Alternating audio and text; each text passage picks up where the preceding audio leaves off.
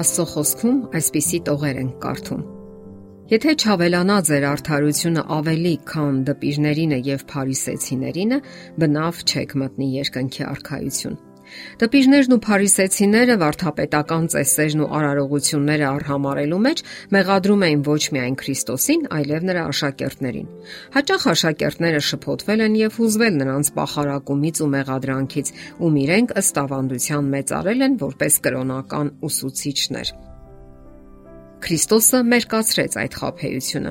Փարիսեցիների արդարությունը, որն այդքան արժեքավոր էր մարդկանց աչքին, Քրիստոսը հայտարարեց անարժեք։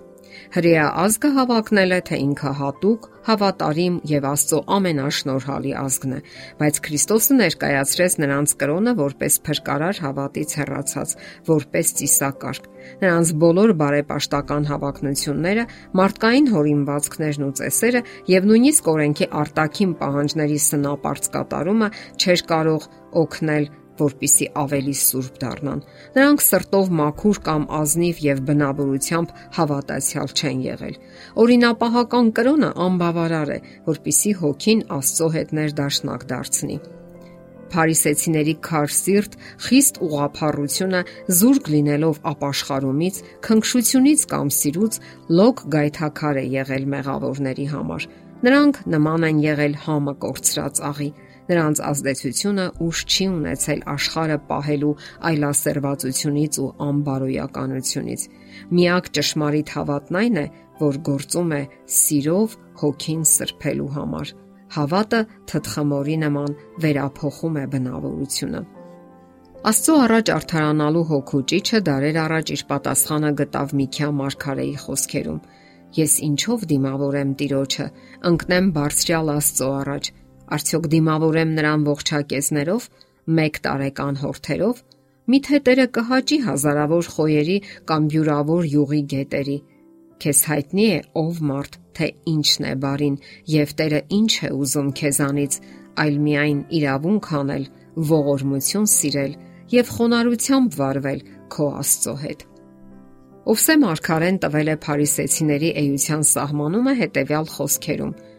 Մի սաղարթած ավալ ворթ է Իսրայելը պտուղ է բերում իր համար։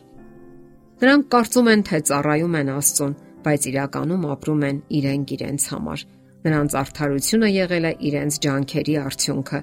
օրենքը պահելու իրենց գաղափարներին ու եսասիրական շահին համապատասխան։ Հետևաբար նրանց արդարությունը չէր կարող ավելի լավը լինել, քան հենց իրենք։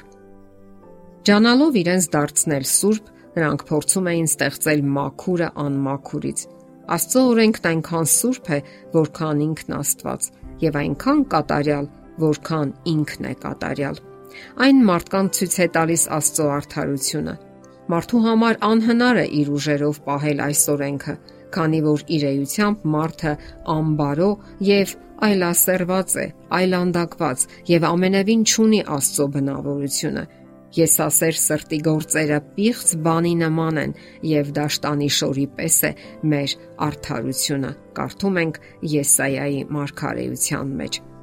Քանի որ օրենքը սուրբ է, հрьяաները չէին կարող արդարություն ձեռք բերել, պահելով օրենքը սեփական ուժերով։ Երկնքի արխայություն մտնելու համար Քրիստոսի աշակերտները պետք է ձեռք բերեին արդարություն, որը պետք է տարբերվեր փարիսեցիների արդարությունից։ Եթե նրանք իրենց սրտերը լիովին բացեին Քրիստոսին ընդունելու համար, այդ դեպքում Աստծո կյանքն ու նրա սերը կվերափոխեին նրանց Աստծո նմանությամբ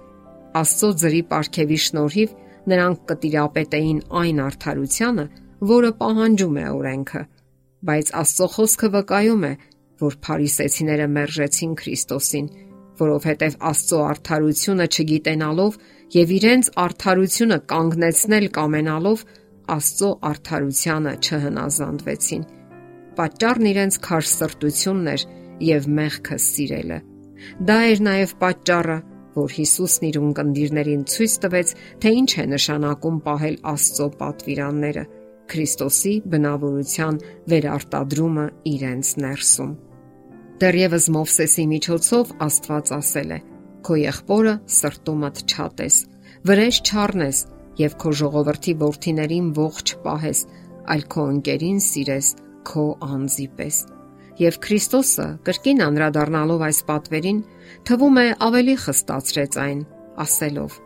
Ամեն ոք, ով զուր տեղը բարկանա իր եղբոր վրա, պարտական կլինի դատաստանի։ Փրկչի խոսքերը ունկնդիրներին բացահայտեցին այն փաստը, որ երբ ուրիշներին մեղադրում են իբրև օրենքը խախտողներ, հենց իրենք են հանցավորները, որովհետև նրանք իրենց սրտում չարություն եւ ատելություն են փայփայում։ Ծովի այն մյուս ափին էր գտնվում Բասանի երկիրը, որի աշխարհագրական դիրքը խուլ կիրճն ու սաղարթախիտ լեռները լավ թաքստոց էին ամեն տեսակ հանցագործների համար Ժողովրդի հիշողության մեջ թարմ էին այնտեղ կատարվող կողոպուտների ու սպանությունների դեպքերը, եւ շատերը խանդավառությամբ դատապարտում էին այդ չարագործներին։ Միևնույն ժամանակ հենց նույն այդ դատապարտողներն էին տակարյուն ու կռվարար։ Նրանք մեծ ատելություն են տածել հռոմեական կեղեքիչների նկատմամբ եւ ատել ու արհամարել բոլոր մնացած ազգերին եւ նույնիսկ իրենց այն հայրենակիցներին, ովքեր համամիտ չեն եղել իրենց գաղափարներին։ Այս բոլոր բաներում նրանք խախտել են օրենքը, որը հայտարարում է՝ «Մի սպանիր»։ Ատելության ու վրեժխնդրության ոգին ծագեց սատանայի սրտում եւ դրթեց նրան սպանել Աստծո միածին որդուն։